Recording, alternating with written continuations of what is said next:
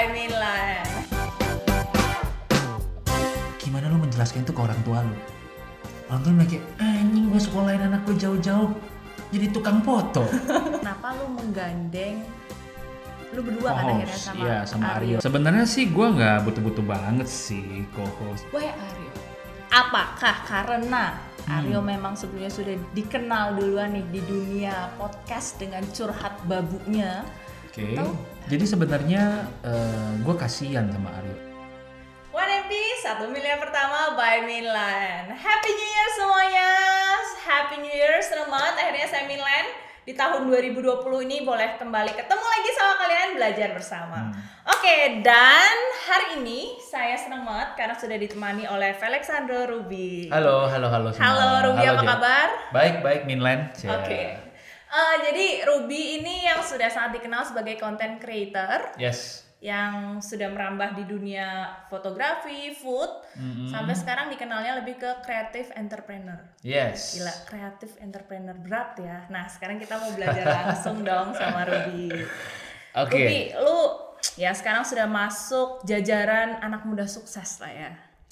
Eh, belum sesukses yang bikin Line X lah. Oh gitu.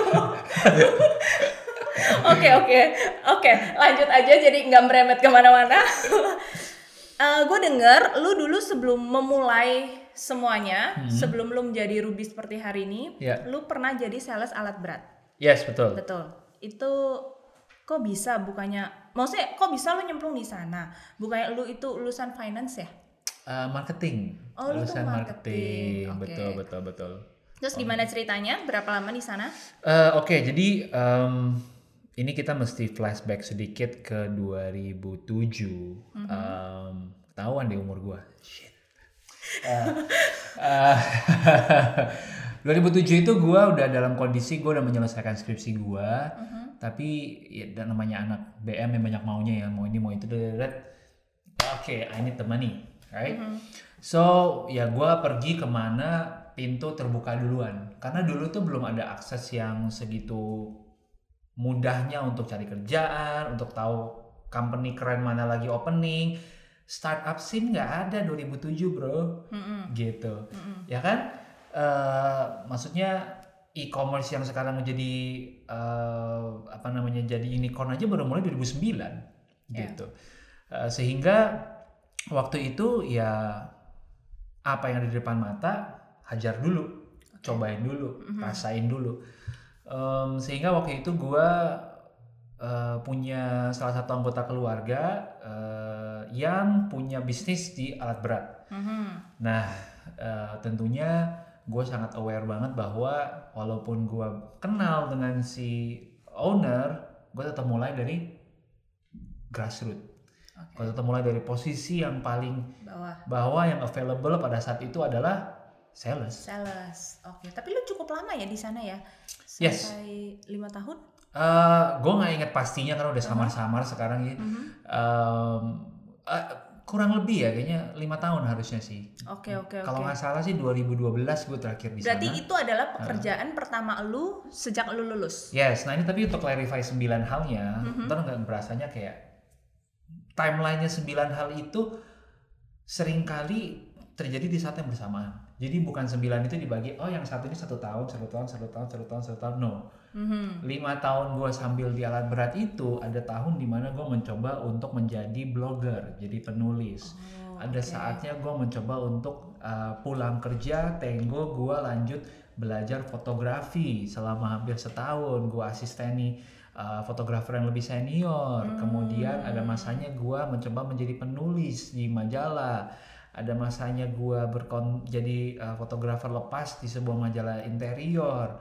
Uh, kemudian uh, saat itu juga Instagram mulai Merebak. mulai merebak. Gue ingat banget waktu itu gue menjual BlackBerry gue supaya bisa beli iPhone. Karena dulu Instagram cuma ada di iPhone. iPhone.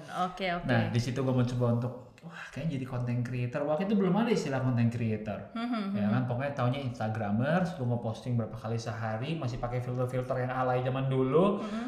Ya lu pengen dapetin followers banyak aja.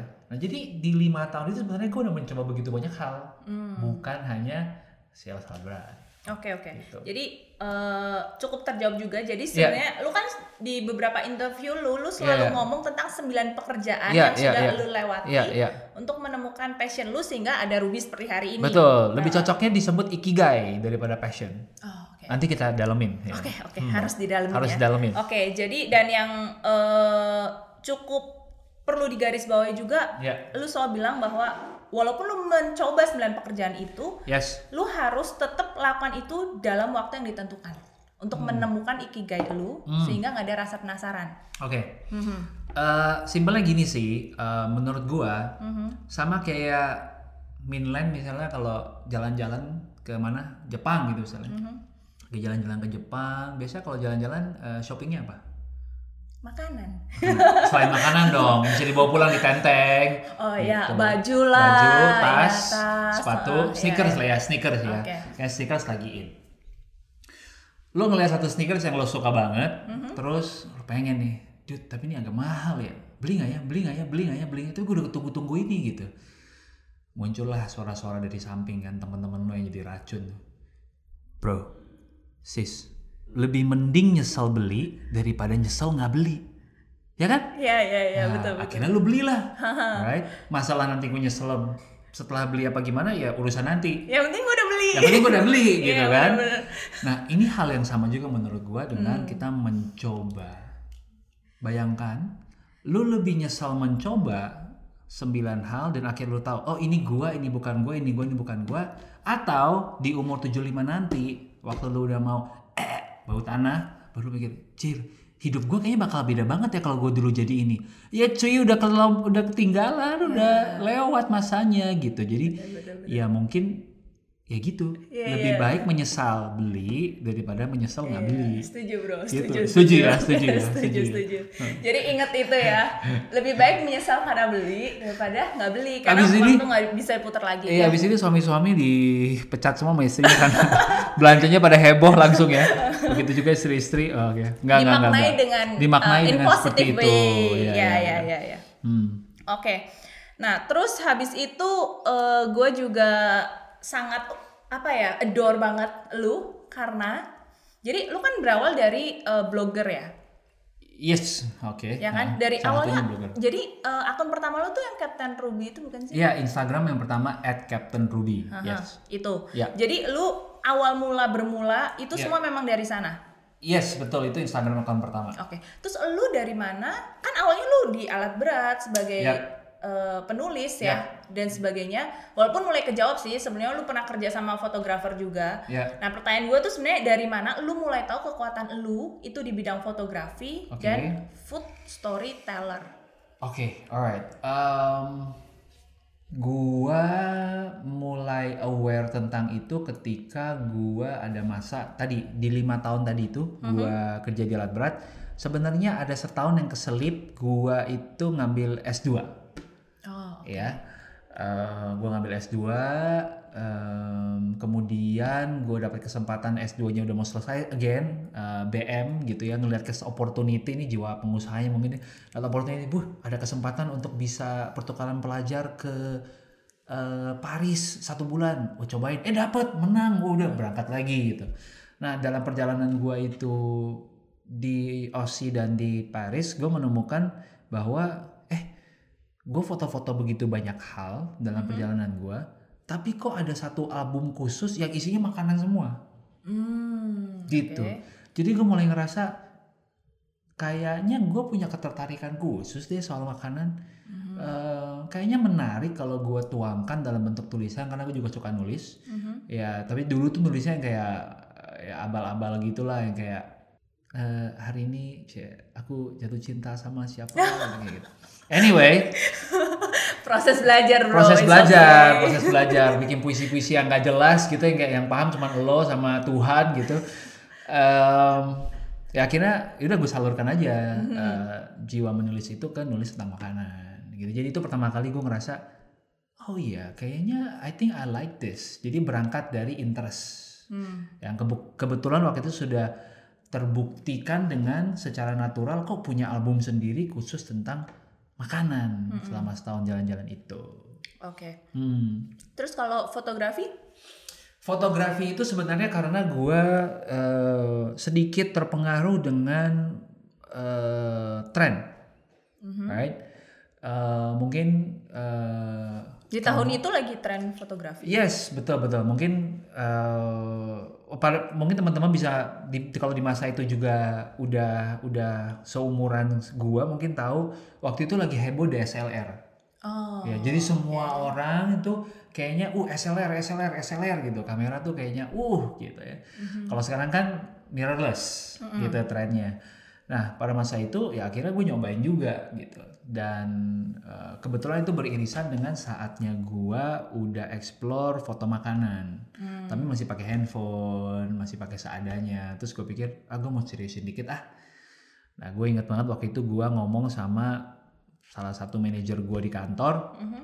Terus gue bilang, eh, Jer, manajer ya, Jer. Panggilnya Jer.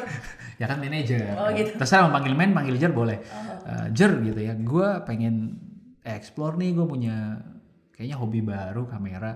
Tapi gue gak ada duitnya bro. Mhm. Gue cicil sama lu boleh nggak? Mhm. Gesek lah kartu kredit manajer gue. Gue cicil ke kartu kredit Baik dia juga tuh. ya manajer Oh baik ya? juga waktu Oh, itu gue lucky you, man. Laki. ya, gue inget banget kamera pertama gue itu eh, Canon 7D 14 juta, gue cicil 12 bulan Hmm, oke. gitu. Mhm. Nah jadi dari situlah karena udah pegang, udah punya, udah bayar setiap bulan kan ya potong gaji, potong gaji, potong gaji. By the way gaji UMR waktu itu 3 juta ya. Mhm. Nah, jadi fantastis waktu itu angka segitu eh, untuk belajar gitu. Belajar sendiri. Belajar sendiri.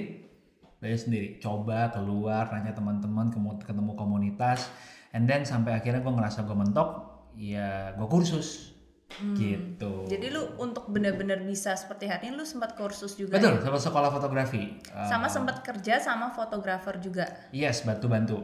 Jadi pasti Jadi belajar asisten dari nih, sana. megangin lampu gitu. Oh, oke. Oke, kalau gitu boleh dong kasih kita tips nih langsung yang praktikal. Buat foto makanan. Eh boleh ya foto oh, makanan. foto makanan. Foto makanan mah gampang banget. Gimana? Emang gampang banget. Ya Prinsip- gampang buat lu, Bro. Ya emang gampang makanya kan boleh dong gue yang bilang gampang. Iya. Dan hopefully setelah teman-teman dengerin ini kalian juga bisa bilang gampang. Ya, oke. Gimana? Makanan itu basicnya eh, simple banget. Mhm. Warna, Mhm. tekstur, Mhm. dimensi. Warna, tekstur, dimensi. Yes. Warna artinya begini. Pernah ngebayangin nggak fotoin rawon?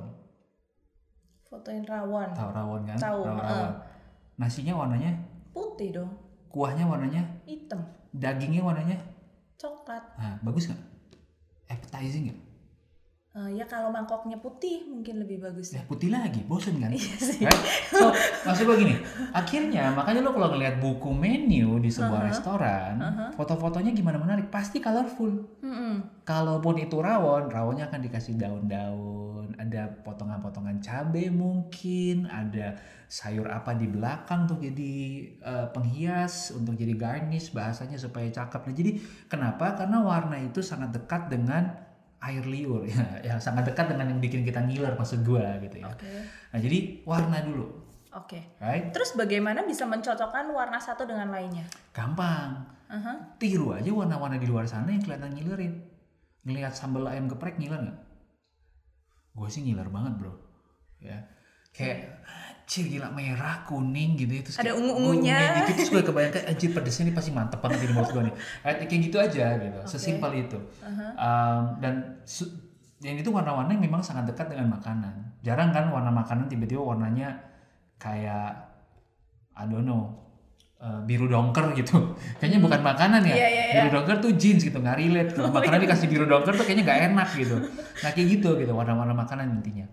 Kemudian setelah warna tekstur Mhm. jadi penting banget waktu kita foto itu gimana supaya foto itu bisa menampilkan teksturnya makanan kalau dia crispy kayak kulit KFC ya dia harus kelihatan crispy Hmm. gitu Oke. kalau dia lembek kalau dia lunak kalau dia eh, apa namanya tes te- teksturnya kayak gelatin kayak berjeli harus kelihatan supaya orang kebayang makan itu tuh kayak gimana di lidah terakhir dimensi Mhm. ya dong kita fotoin makanan makanannya segede gini salah angle kelihatan sekecil gini kan orang jadi nggak beli Iya iya benar. right harus mewakili ukuran sebenarnya makanya salah satu cara kalau kita foto makanan adalah sandingkan dengan sesuatu yang bisa menjadi pembanding Oh. Oke, ada alasan kenapa orang kalau fotokopi, foto makanan itu ada tangan di dalam. Kebayang dong tangan orang seberapa gede. Kebayang dong piring itu seberapa gede. Kebayang dong di dalamnya makanannya seberapa besar porsinya. Nah kalau nggak ada itu nggak ada pembanding. Gitu. Jadi tiga ya, warna, tekstur, dimensi. Oke. Gimana tentang cahaya? Cahaya menurut gua sesuatu yang eh, tentunya sangat penting ya. Karena namanya fotografi itu kan melukis dengan cahaya, C. Kalau nggak ada cahaya ya melukis pakai apa gitu. Tapi gua nggak mau terlalu dalamin di sana karena bisa kayak tiga episode ini sendiri gitu ya. Oke oke. Heeh, nanti jadi nggak ngomongin satu miliar pertama nih. Nah, nah, tapi gue mau nanya dulu nih, gue habis ini mau praktek soalnya. Ayo, Jadi praktek. kalau misalnya mau ngefoto, tapi kalau soal warna, warna Ya. makanan pasti Ya, yang ya, berbau ya. itu. Cuma Ya. ada ini, ada apa ya? Ada masukan gak sih? Maksudnya kayak warna muda sama warna tua jangan gabung or whatever lah. Oh, Atau eh, warna apa bagusnya pasangin sama apa? gitu. menurut gua jalan paling gampang sih ya lihat aja buku menu, udah gampang. Oh ngikutin Lihat itu. aja buku menu. Kalau gue mau kasih saran, mungkin Instagram buku menu. Kalau takutnya kan kalian nggak boleh bawa pulang, nanti jadi nyolong. Beli aja majalah makanan. Aha. Gue suka banget tuh di Osa, di Australia ada namanya Donahue. Mhm. Eh, ada lagi namanya itu Condé Nast Traveler. Ada lagi namanya itu eh, apa ya? Eh, Lucky Peach. Pokoknya banyak buku-buku resep, buku-buku masakan tuh Lihat jadi referensi situ. aja gitu. Lebih cepat belajarnya dari situ. Terus lebih bagus ngefoto dari atas atau dari samping? Eh, tidak ada kata lebih bagus, yang ada lebih cocok. Oh, tergantung makanannya. Sekarang gini, ya betul. Kalau kita fotoin kopi dari samping gelasnya gini, nggak kelihatan kan latte art di atas. Iya, iya. Right? Jadi harus dari atas. Begitu juga sebaliknya kalau gue fotoin burger, bayangkan di sini burger, gue fotoin Iya. dari atas, cuma kelihatan rotinya dengan bentol-bentol wijen. Oh iya, Right? benar-benar Tapi gue harus dari samping supaya kelihatan tebelnya. Jadi tidak ada angle terbaik, yang ada angle paling cocok sama makanannya. Oke, oke, Gitu. oke, oke. Got it, thank you. Oke. Itu baru soal fotografi, bro. Yes. Yang kedua adalah Oh, lu belajar. masih banyak ya? Oh, Gua kira, masih gua kira di banyak. situ udah mau. Oh, ya. Mumpung Ruby di sini. Oh, ya, oke, baik. Kita, kita minta ini dong baik, ilmunya yang baik, banyak. baik, baik. Oke, Gampang oke. kok, invoice menyusul. Bahaya nih. Oke. Food storyteller. As Oke. a food storyteller. Lu belajar Oke. dari mana, bro? Itu emang bisa pelajarin dari buku? Oke, eh, sebenarnya food storyteller itu kayak semacam apa ya istilah yang gua create untuk menjelaskan apa yang gua kerjakan. Karena gini, lu bayangin ya, lu di posisi gua, Mhm. lu kuliah marketing, lu S2 ke luar negeri, terus lu pulang fotoin makanan. Dan nulis blog. Mhm. ya kan? Gimana lu menjelaskan itu ke orang tua lu? Orang tua bilang kayak anjing gue sekolahin anak gue jauh-jauh. Jadi tukang foto. Right? Iya, so iya. I need a better word to explain what I'm doing right? What I was doing. So for me the correct word at the time was food storyteller. Mhm. karena ngapain? Gue sebenarnya mencerita bercerita tapi lewat makanan. Dan bukan cuma soal makan ini enak apa enggak maknyus apa enggak? No no no no no. It's beyond that. It's going through the roots of the food. Kayak makanan ini kenapa bisa enak? Mhm. karena terbuat dari bahan-bahan begini gini gini gini. Kenapa bisa nggak enak? Karena kurangnya begini gini gini gini. Karena aslinya otentiknya seperti ini. Nah jadi bercerita tentang makanan itu beyond just enak nggak enaknya. Lebih dalam lagi bahkan kita bisa menggali contoh hal-hal yang gue sering ngobrolin waktu itu adalah eh, dunia F&B atau dunia food sendiri yang nggak melulu soal makanannya misal gimana caranya sih cara yang benar untuk menginvite food blogger banyak loh pada masanya itu 2011, 12, 13, 14, 15 Mhm. yang di mana eh, marketing-marketing restoran itu nggak paham gimana cara invite food blogger. Gua sendiri pun sering dapat email judul besarnya adalah kayak selamat siang anak jajan. Lah gue bukan anak jajan. Gue Captain Ruby gitu kan. Nah kenapa? Karena mereka nggak so aware itu bagaimana cara untuk berinteraksi dengan food blogger. Karena food blogger sesuatu yang baru. Nah gue ajarin di sana. Jadi bercerita tentang segala sesuatu tentang makanan. Oh, oke. Gimana cara ngundang food blogger? Cara ngundang food blogger nomor satu adalah lo harus kenalin si food blogger dan audiens dia gimana dan cara dia bercerita gimana. Karena tidak semua food blogger itu relate dengan semua brand. Kasarnya gini, lo ketemu satu food blogger Mhm. dari seribu postingan dia semuanya kaki lima. Mm-mm. Lu undang nggak ke restoran Michelin star? Yang nggak cocok. Belum tentu cocok kan? Ya, belum tentu Bahkan cocok. kemungkinan cocoknya akan lebih kecil sekali. Mhm. Kenapa? Karena audiensnya dia kalau nonton pun belum tentu audiens yang Sama. sama yang Hmm. marketnya sih itu. Nah, jadi pertama adalah itu, memahami bahwa tidak semua food blogger itu serving the same market, serving the same audience. Mm-mm. Nah, PR-nya adalah di setiap masing-masing restoran untuk tahu ya audiens gue kayak gimana, mana yang pengen gue tarik, mana yang masih kurang, mana yang pengen gue expand supaya gue dapetin market baru Mm-mm. gitu. Itu yang pertama. Kedua, setelah udah kenal food bloggernya atau instagramernya atau apa pun lah istilahnya, reach out ke mereka dengan cara yang nice, as if lo emang yang ngobrol sama temen gitu. Mm-mm. Jadi sebisa mungkin kalau saya menghindari template. Hmm. Bayangin, food blogger food blogger ini kan temenan semua ya. Iya betul. Dikirimin 10 temenan semua, semua kata-katanya sama. Ini ganti cuma nama doang. Hai Ruby, Hai Minland, Hai Iya. whatever gitu. Iya. ya. Nah sehingga nggak personal Iya. gitu. Itu yang kedua. Eh, yang ketiga menurut saya adalah perlakukan food blogger itu seperti layaknya tamu terbaik lo. Karena saya nggak jadi saya sih topan banget. Gua c, gue sering banget juga dapat orang ini ya restoran menginvite food blogger, invite jam 2 siang. Jam 2 siang jam makan siang apa jam makan malam? Nanggung. Nanggung, exactly. Iya. Bukan jam makan siang, bukan jam makan malam. Iya iya. iya. Pas ditanya kenapa? Iya, soalnya kita pengen eh, crowd lunch makan siang kita beres dulu, baru kita ngundang, baru food bloggernya makan. Hmm. Berarti lo menganggap food blogger lo lebih rendah daripada orang makan siang lo. Iya iya iya. iya. Gitu. Nah, menurut gua that's not the correct way untuk address them. Ini kan simbiosis mutualisme, Mhm. right? Jadi harusnya treat sebagai partner yang setara. Ya. Gitu. Jadi itu menurut gua tiga hal yang sering kali sebagai restoran tuh skip. Hmm. miss gitu. Nah kalau itu itu bisa dilakukan dengan baik, eh, udah oke banget sih. Oke. Food storytelling. Ya, Gimana how to create the story? eh menurut gua kuncinya adalah curiosity and honesty. Curiosity itu maksudnya punya rasa penasaran yang cukup untuk mau mengulik sesuatu lebih daripada apa yang tampil di permukaan. Karena sangat mudah untuk bilang, iya makanan ini kelihatan ya eh, teksturnya agak sedikit eh, bergerigi. Ini kalau dimakan kayaknya agak kriuk-kriuk, rasanya seperti ini, eh, manis, agak-agak ke asam sedikit. Tapi ya udah, Mhm. Mhm. itu kan surface. Mhm. Mhm. Dari mana datang rasa manis? Dari mana datang rasa asin? Dari mana teksturnya bisa seperti itu? Pakai tepung seperti apa? Apakah ini cara memasak chef yang belajar dari mana? Apakah ini gaya masak orang Indonesia, gaya masak Western, gaya masak I don't know Italian Mhm. gitu? Eh, akarnya di mana? Bumbu itu dipakai kenapa? Nah itu ketika kita punya cukup curiosity untuk ngegali itu, cerita bertebaran. Ya kan? Mhm. Terus susunannya Hmm. mana yang lebih baik? Eh, buat gua kalau bercerita ujung-ujungnya ya kalau gua paling sering belajar dari film Mhm. gitu. Eh, ada alasan kenapa eh, kita lebih seneng nonton film daripada dengerin orang khotbah mungkin, Iya. right? Karena it's entertaining, it's adrenaline rush, it's uh, visual. Jadi eh, kata kunci kata kunci itu kita masukin gitu.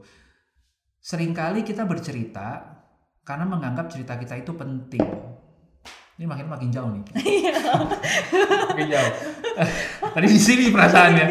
Eh, padahal sebenarnya buat orang yang ngedengerin bukan soal pentingnya dulu. Kita nonton film bukan karena film itu penting walaupun film itu memang penting, tapi karena film itu seru Ya ya ya. right? Mau ada pesan apa pun yang bagus di dalam khotbah kita ke, film kita ke, Kalau Instagram post menyampaikan kita ke. bosenin ya. Exactly. Mhm. Harus seru dulu. Terus bikin seru gimana bro? Nah, minum dulu ya, panjang. Oh, boleh, boleh. Minum dulu kita. Basicnya sih yang berulang-ulang sih selalu ada template yang sama ya. Mhm. Contoh, udah nonton Avengers tuh, Iya, ya. Endgame udah dong. iya udah dong. Ngeselin gak tuh film? Kenapa? ngeselin kan? Lu pikir di sebelumnya udah end Oh iya benar benar benar. lu pikir sebelumnya udah end. Iya, iya, ya iya. kan? Terus di tengah-tengah lu pikir ya kan? Kayak eh, apa namanya eh udah lah ini udah kayaknya udah nggak sempet gitu kan? Udah kayak ya udah that's it gitu. Terus ternyata yang bikin lu ngeselin lagi yang mati yang itu. Iya iya iya. si Iron Man. Right? Tuh kayak ya gitu kan? Nah itu yang kita cari terus yang ngeselin lagi adalah Captain Marvel kenapa munculnya di belakang bro ya kan Captain Marvel kalau muncul kan langsung biar mati lu semua lah ya kenapa nggak dari awal Iya, iya, bener. right? ngeselin Iya, banget iya, iya. ngeselin kan tuh film nah justru karena ngeselin itu yang kita cari Hmm. film itu atau cerita itu ujung-ujungnya harus ada konflik harus membawa seseorang namanya hero lah ya kalau Mm-hmm. kalau bahasa cerita itu ada hero-nya yang jalannya nggak mulus Mhm. Jalannya kalau mulus terus ya orang bosan nontonnya betul. flat. Harus dibawa ke dalam sesuatu masalah yang begitu besar dia nggak ngerasa kayak dia bisa selesai. Ketika dia udah mulai ada menemukan sebuah titik terang tiba-tiba terpatahkan lagi dia turun gitu kan. Semakin berjalan dulu tiba-tiba out of nowhere muncullah secercah harapan. Captain Marvel terbang dari jauh. Wow tiba-tiba mulai kita bisa menyelamatkan dunia ini. Biar pas sudah selamat mati bro hero nya right? Iya. That's what we want to create with story. Tapi ini kan food, Bro. sama gitu mau food mau Instagram maupun sama. Gini bayangin contohnya. Ini gue keluar dari konteks food lah ya supaya pendengar mau dari bidang apa pun bisa. Mhm. sekarang di Instagram yang lagi paling hot banget adalah konten yang sifatnya swipeable. Iya. yang multiple post. Mhm. right? Postingan pertama kita itu kan bisa di swipe. Halaman pertama kira-kira apa Minlan Foto paling menarik harusnya ya. foto paling menarik atau nih kalau ini nanti tayang di YouTube judulnya harus bagaimana thumbnailnya harus bagaimana Yang eye catching, yang Eye info. catching, exactly. Iya. judulnya harus mewakili isi obrolan tapi juga bukan sembarang isi obrolan kan Iya, harus iya. isi obrolan yang paling menggugah yang Iya. paling bikin orang wih ini What apa this?" nih Iya. gitu ya mungkin itulah kenapa banyak judul-judul uh, tulisan atau judul-judul video YouTube kata depannya apa terungkap terbukti rahasia. Nah, karena itu yang bikin orang tertarik. Itu halaman pertama. Mhm. gitu. Makanya judulnya Avengers Endgame. Ya kan? Bukan Avengers apa gitu kayak F Endgame tuh kayak menarik banget gitu. Apa nih Endgame ini? Gue tunggu-tunggu gitu. Nah jadi dari covernya dulu yang pertama kan. Slide berikutnya itu harus tetap bikin orang menarik ya kan? Memperkenalkan apa yang kita mau ceritain. Yang ketiga juga yang keempat juga pelan-pelan lalu diperkenalkan di sekitar tiga atau empat tuh break the pattern. Ya orang udah ngerasa kayak oh nih jalannya bakal lurus nih. Tiba-tiba boom! Eh nggak begitu. Ceritanya nggak begitu ceritanya ternyata berbeda. Lalu dikenalin ke arah yang sebenarnya kita mau ceritain sampai ke akhirnya closing. Nah jadi ada opening ada tengah ada closing tapi Di tengah dikasih konfliknya itu justru. ya. Exactly Mhm. gitu jadi konfliknya itu Uh, di kalau sebutan gue adalah you have to break the pattern karena itu akan keep orang untuk mau dengerin sampai habis Iya, iya, iya, iya. gitu Oke, untuk create story ya kurang Iya. lebih itu template-nya lah, template gitu generalnya ya. yes tapi banyak banget kok angle-angle lain kayak kalau gue seneng film kayak Christopher Nolan yang mainin timeline Mhm. right Christopher Nolan tuh ada satu film yang gue suka banget dan gue sangat mengencourage teman-teman di sini kalau ada waktu nonton filmnya judulnya itu Memento Memento. itu adalah film yang jalan ceritanya mundur. Oh, oke. Oke, pahami ya. Ya. Ini bukan ceritanya flashback terus maju. No, jalan ceritanya mundur. Mundur. Oh, iya. Jadi iya. ending di depan, baru lu tahu openingnya di belakang, Oh, iya iya iya iya. iya. gitu. Nah, bingung kan? Nah, nonton deh. Oke, Waktu lu paham itu lu akan chat, oh man, ternyata bercerita tuh bisa kayak gini ya. Mhm. Kadang-kadang kita bercerita, kita kasih hint endingnya dulu di depan, Mhm. tapi kita nggak tahu sebenarnya kenapa bisa kejadian begini.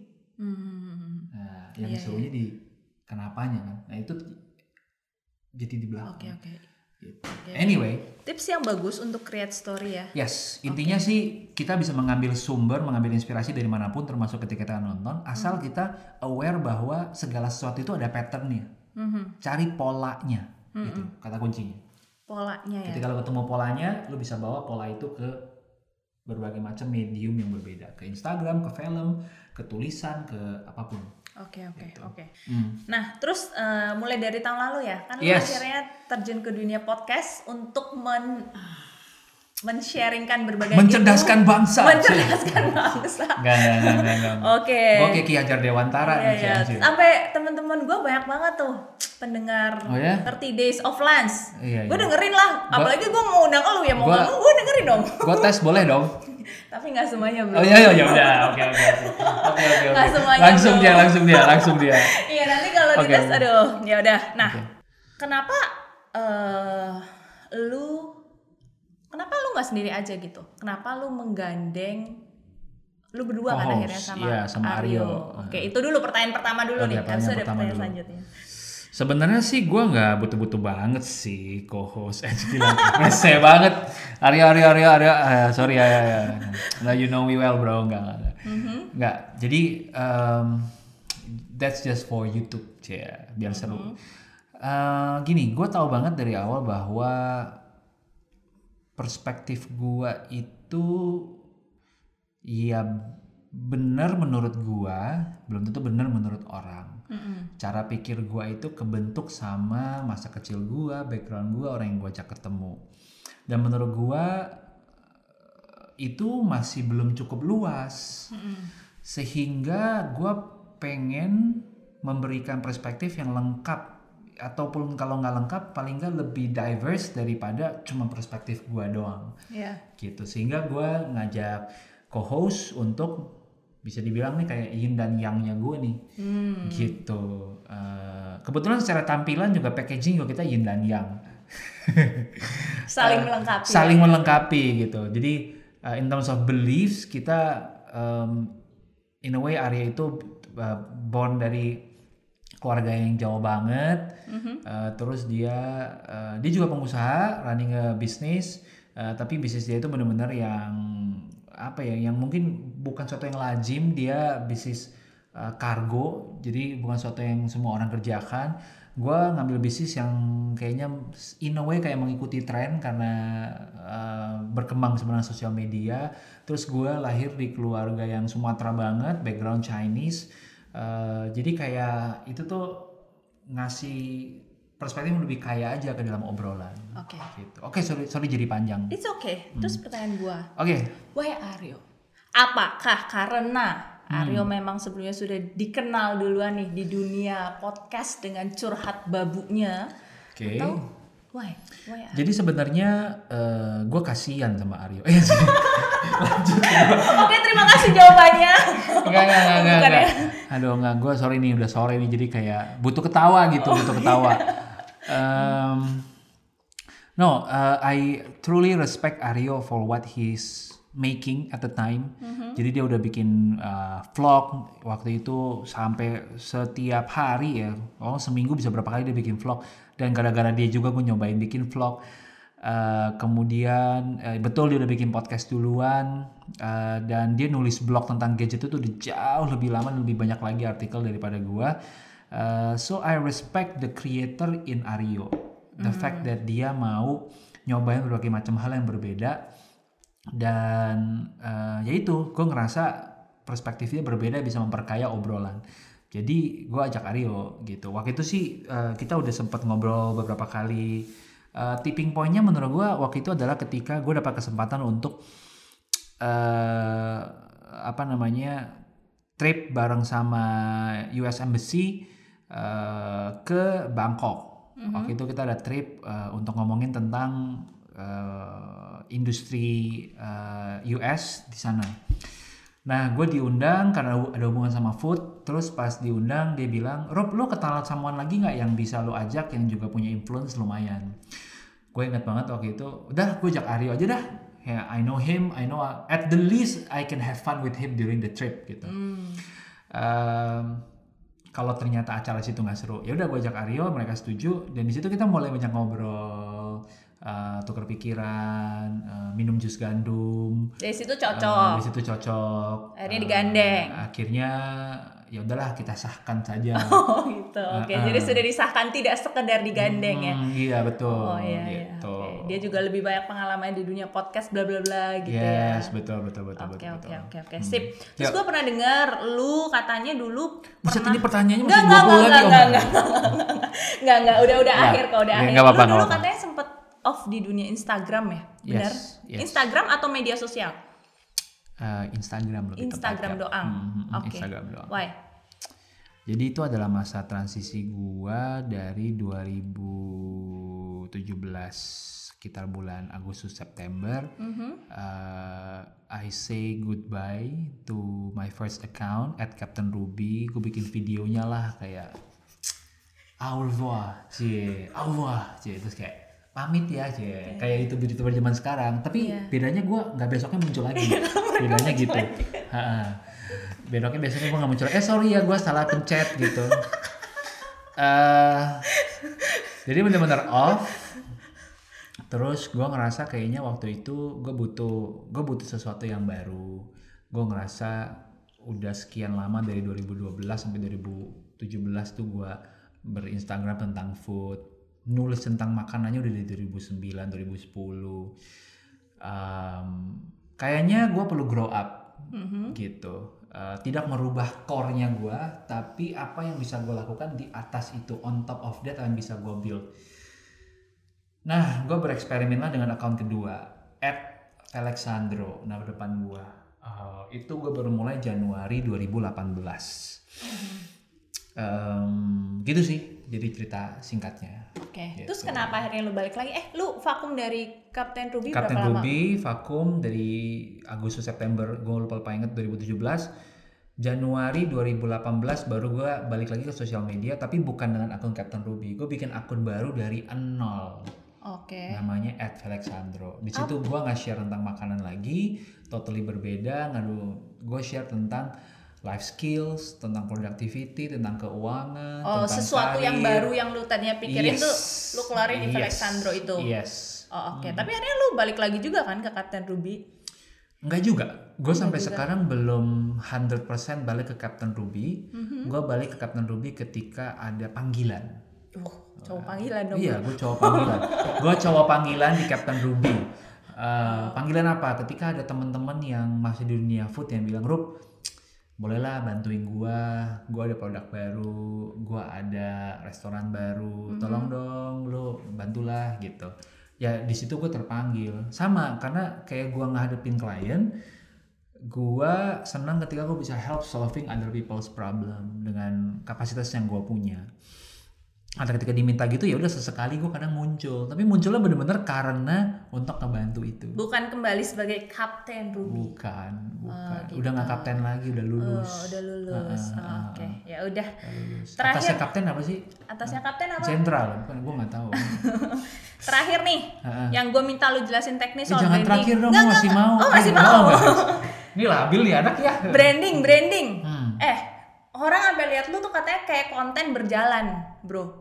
Nah, sedangkan branding kayaknya salah satu kekuatan lu juga gitu. Hmm. Padahal tiap orang, gua, sobat Minland semua butuh juga dong yang namanya branding, branding diri deh, nggak usah jauh-jauh ya, personal branding. Gimana? Ajarin kita. guys, kalau kalian menyaksikan ini, personal branding itu nggak ribet kok. Mhm. Personal branding itu bahkan simpel banget atau bahkan kita udah pernah ngelakuin secara sadar maupun tidak sadar. Bahkan emak lu, bokap lu, nenek lu juga mungkin udah pernah ngelakuin personal branding. Karena personal branding itu sesimpel gini. Apa yang kalian jago, orang lain harus tahu kan. Kalau enggak gimana caranya lu bisa menemukan job, bisa menemukan karir kalau lu nggak pernah ceritain itu. Right? Minland jago apa nih Minland? Apa ya? Tahu. Jago nanya. misalkan jago Nanya-nanya lu aja jago nih, nanya gua. gitu kan kalau lu nggak ngerekamin dan lu taruh di YouTube ya orang nggak ada yang pernah tahu lu jago nanya Hmm. right nah ini ini gue sering bikin perumpamaan kayak gini misalnya Mhm.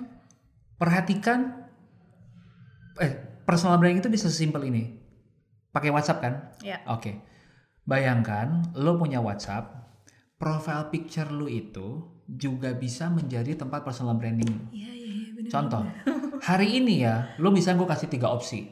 Lu ngefotoin profile picture lu satu, lu lagi makan ikan, Aha. lo lagi nangkep ikan mancing Mhm, mhm. atau lo lagi jualan ikan? Iya. ya sama-sama ikan sama-sama lo tapi dengan tiga foto yang berbeda personal branding lo beda nggak? Beda dong. beda. Yang pertama wah jangan ini orang food blogger nih. Seneng makan ya. Iya, betul. yang kedua wih gila hobinya mancing. Boleh nih gue ajak lain kali kalau ke laut. Yang ketiga wah bisnis ini orang. Cuan nih. Boleh nggak ya gue ngajak dia ngobrol untuk ngomongin bisnis? Mm-mm. nah sesimpel itu kan. Mm-mm. Ya, jadi maksud gua kalau kita aware banget bahkan profile picture Instagram eh sorry profile picture WhatsApp kita aja bisa menjadi bahan kita untuk personal branding. Kenapa? Karena kalau kita ngobrol sama orang itu yang dilihat, Mm-mm. ya kan? Kalau kita di situ ternyata lagi mancing, orang mungkin akan tertarik nanya, eh, lo kenapa lo mancing? Lo emang senang mancing? Dijawab lah, Mm-mm. oh enggak, gua emang iseng doang. Oh ternyata dia bukan. Tapi kalau orang yang serius dia akan bilang, oh iya, setiap minggu tuh gue pergi ke laut. Wih, bentuklah. Gua punya Ngapain lu ke laut berenang? berenang. ya kacau. Fotonya harusnya berenang berarti bahwa personal brandingnya salah. Anyway, paham nih maksud gue ya. Iya, iya, Jadi iya. personal branding itu sesimpel itu menurut gue. Eh, Nah, tinggal ditranslate aja. Selain WhatsApp, profile picture, area mana lagi yang lo mau gunakan untuk menyampaikan personal branding lu. Iya, iya. Sebisa mungkin personal branding lu itu tampil di medium yang Orang bisa lihat. satu, dua, audiens lu kemungkinan besar di sana. Hmm. Gitu. Audiens lu ada di Instagram nggak? Enggak. Audiens gua di TikTok. Oh ya udah, lu joget di TikTok. Jangan joget di Instagram karena audiens lu bukan di situ Iya, iya, misalnya. Demikian juga dengan produk. Demikian juga dengan produk menurut Hmm. gua. Jadi personal branding itu berangkat dari situ aja sih. Mhm. Apa yang menjadi kelebihan-kelebihan kita, yang menjadi jualannya kita, gimana cara kita mengkomunikasikannya. Nah, kalau soal tips and triknya untuk cara mengkomunikasikan, tentunya caranya bisa macam-macam. Tapi yang yang yang gua rasa sekarang te- sedang terjadi adalah there is a shift in the market di mana audiens itu setelah berapa? 8 tahun, 9 tahun main Instagram, Mhm. tentunya orang makin pinter. Iya. Ya nggak? 2011, 12, 13, 14, 15 kita dikasih foto cakep dikit aja, estetik dikit aja, ya kan? Kita udah langsung happy, kita udah uh nge-like, komen, right? Tapi bayangin, lu 9 tahun sekarang udah 2020 ngeliatin foto yang seperti itu terus, Lama juga orang akan bosen, Iya, betul. right? Nah, makanya butuh approach baru, Mm-mm. butuh cara-cara baru. Nah, sekarang ini audiens itu sedang mengarah ke mereka mencari sesuatu yang berbeda, sesuatu yang tadi break the clutter. Makanya ada di US itu ada influencer yang punya followers belasan juta Mhm. mau menjual baju bikinan dia t-shirt itu cuma ngejual 30-an. Hmm. Bayangin punya audiens segitu gede, Iya. tapi nggak berhasil. Kenapa? Karena nggak berhasil connect Iya, betul. sama audiensnya. Nah, Jadi kata kuncinya sekarang di 2020 untuk berinstagram atau bersosial media, berpersonal branding adalah connection, conversation, baru conversion. Hmm. Right? Kalau dulu kita fokusnya adalah, uh foto cakep, conversion langsung berapa kali klik orang bisa belanja, bla bla bla segala macam. Nggak bisa. Sekarang audiens itu lebih cerdas, lebih pintar, sehingga kita perlu gives value dulu ke mereka Mm-mm. sehingga kita connect dulu ke mereka. Connectnya dengan apa?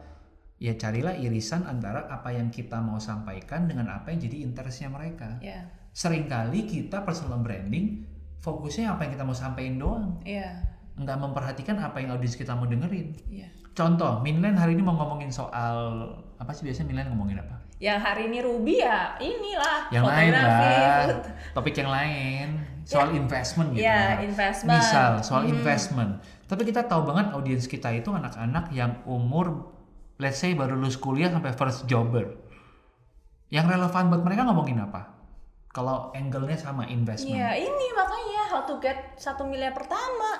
Itu dia, exactly Itu kan. dia. How to get satu miliar pertama, gitu. Atau kalau misalnya satu miliar pertama ini mau dibahas dengan cara lain, kenapa satu miliar pertama ini penting? Satu miliar pertama ini bisa diartikan dengan jalan-jalan gratis ke luar negeri setiap tahun tanpa perlu bayar. Kenapa satu miliar pertama ini bisa memberikan dividen sekian juta setiap tahunnya sehingga lo nggak perlu keluar duit lagi buat jalan-jalan. Kenapa buat anak-anak yang umur 20-an sampai 30-an awal mungkin penting banget buat mereka jalan-jalan. Iya. Right? Tapi kalau kita ngomongin investmentnya midline buat mereka yang umur 50 ke atas, satu miliar pertama ini buat apa? retirement supaya masa tua gue nggak susah, right? Nah jadi kita bisa ngomongin hal yang sama, invest, dapatkan satu miliar pertama, tapi cara berceritanya satu lewat jalan-jalan, buat anak yang lebih muda, satu buat pensiunan. pensiun, Iya. gue supaya masa tua gue nggak nggak nyusahin hidup orang, nah gitu sih. Nah, karena audiens kita Oke. nih anak muda. Yes, Nih, banyak sekarang anak muda yang baru lulus, baru Yes. mulai kerja, cari Yes. duit, kumpulin mati-matian. Yes. Nah, dengan dana mereka yang terbatas, Yes. kita mau minta nasihat dari seorang Felixandro Hmm. Rubini. Ya. What is the best option sih menurut lu? Duitnya tuh better digunain buat apa? Oke. Apakah buat networking ya, atau invest ke diri oke. atau ditabung aja duitnya atau bikin bisnis, invest ke Ya. saham or whatever Ya. yang sebenarnya jujur bilang ya mungkin masih lebih high risk Ya. karena masih low experience Ya, kan. ya. Nah, menurut lu gimana tuh? Oke, teman-teman. em,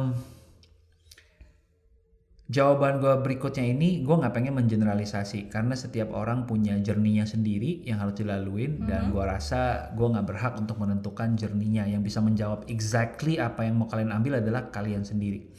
Tapi yang gue bisa kasih adalah mindset atau perspektifnya kayak gini. Tidak akan terulang lagi season di dalam hidup di mana kalian bisa mengambil resiko sebanyak di usia 20-an. Why? Belum ada keluarga, belum ada anak, belum ada tanggungan, belum ada gengsi. Ya, lu udah umur 40, lu udah punya anak, lu udah punya keluarga, lu punya istri yang harus lu cover dan lu udah punya gengsi. Kenapa? Misalnya di umur 40 lu udah udah hidup nyaman, udah udah pakai mobil ya, mungkin udah pakai Range Rover gitu kan. Lu nggak mungkin, lu akan mengurangi kemungkinan lu untuk ngambil resiko-resiko yang berbahaya yang bisa menghilangkan semua itu Iya. right? Karena lu ngeri, shoot kalau gua rugi, kalau gua gagal, Range Rover gua hilang, malu gua, Mhm. right? Nah, momen ini tidak akan terulang lagi menurut gua. Usia ya. Karena season dalam hidup itu biasanya ya kayaknya sih udah hampir pasti seperti itu. Iya. Eh, tentunya ada akan ada anomali beberapa orang yang nggak ngikutin. Tapi sebagian besar orang seperti itu sehingga I would encourage teman-teman semua untuk beranilah lebih berani sedikit untuk mengambil opsi-opsi yang lebih risky di awal umur 20-an gitu. Nah, lebih riskinya setiap orang kan beda-beda Mm. right? Nah, itu satu.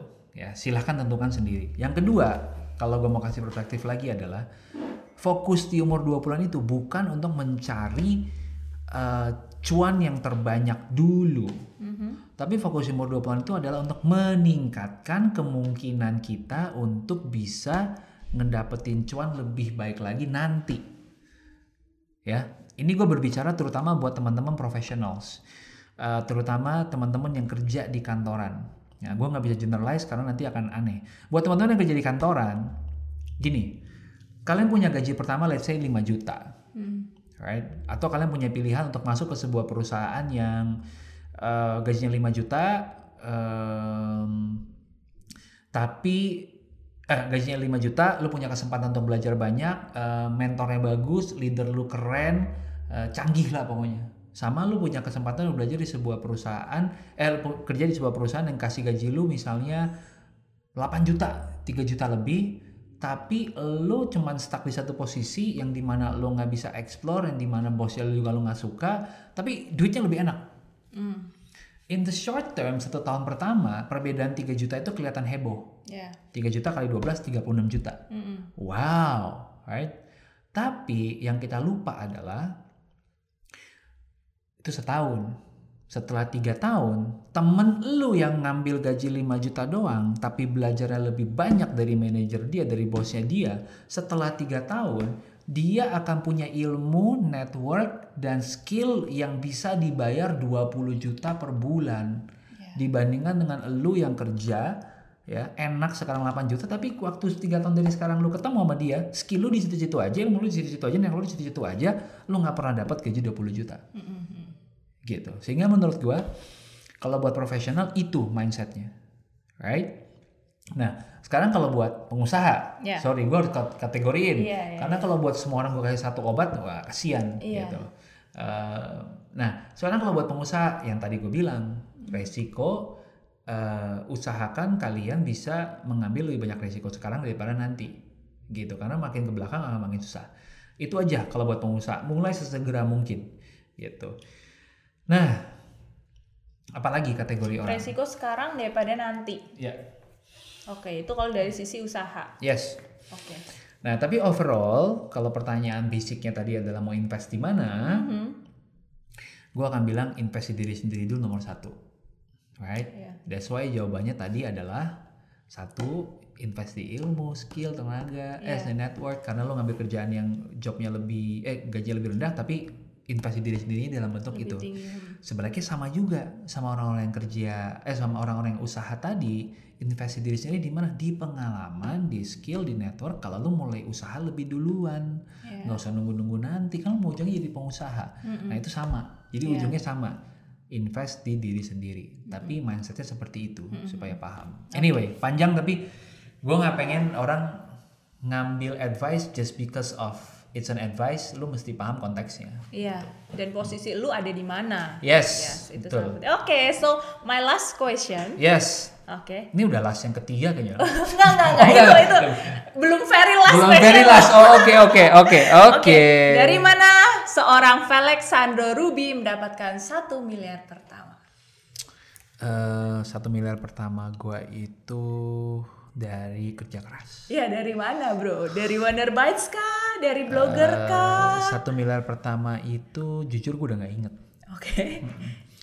Tapi eh, kalau gua nggak salah, karena gini, gua anaknya dari waktu muda itu udah sangat aware dengan eh, investment. Mhm. Jadi satu miliar pertama gue itu udah langsung kepecah dalam bentuk properti, tabungan dan beberapa investment yang lain. Jadi nggak plek ketiplek gitu. Jadi gua nggak ingat karena gua nggak pernah lihat ada di rekening gua waktu itu satu miliar gitu. Jadi gua nggak ingat karena udah kepecah. Tapi yang mengkontribusi lumayan besar adalah eh yaitu yang gue kerjain, yang gue fokus, which is eh, alat berat Mhm. dan lanjutannya adalah si fotografi, gitu. So duitnya dari alat kerja keras dari alat berat, dan, fotografi. Usia berapa? Eh, honestly sama, gue nggak pernah inget kayak gue satu miliarnya exactly di umur berapa. Tapi yang gue bisa pastikan adalah gue pengen pecahkan narasi bahwa anak millennials nggak bisa punya, susah punya properti. Like di umur 2, 23, 24, gue udah punya properti. Hmm. Nggak gede, Mhm. tapi it's an apartment, two bedroom, it's nice. Dan gue bisa tinggal di sana. Dan itu sih yang gue pengen sampaikan. Kira-kira usia berapa, Bro? Udah ketuaan jadi nggak Enggak ingat. dong, enggak dong. Kira-kira, Bro. 5, 4, 3, 2, 1. Berapa? Mungkin 25 kali. 25 tahun. Oke, so 1 miliar pertama Felix Sandro Ruby di Hmm. takaran usia 25 tahun. Mm, mm, mm. Keren banget. Thank you so Hmm, much terima bro kasih. buat sharingnya hari ini. That's my very last question. Yes, Oke. alright. So thank you so much uh, sobat Minlan yang udah tonton juga di episode kita hari ini. Tontonin terus episode selanjutnya di One MB 1 miliar pertama by Minlan. Bye bye. Terima kasih sudah mendengarkan podcast kita hari ini. Sampai jumpa di episode-episode selanjutnya.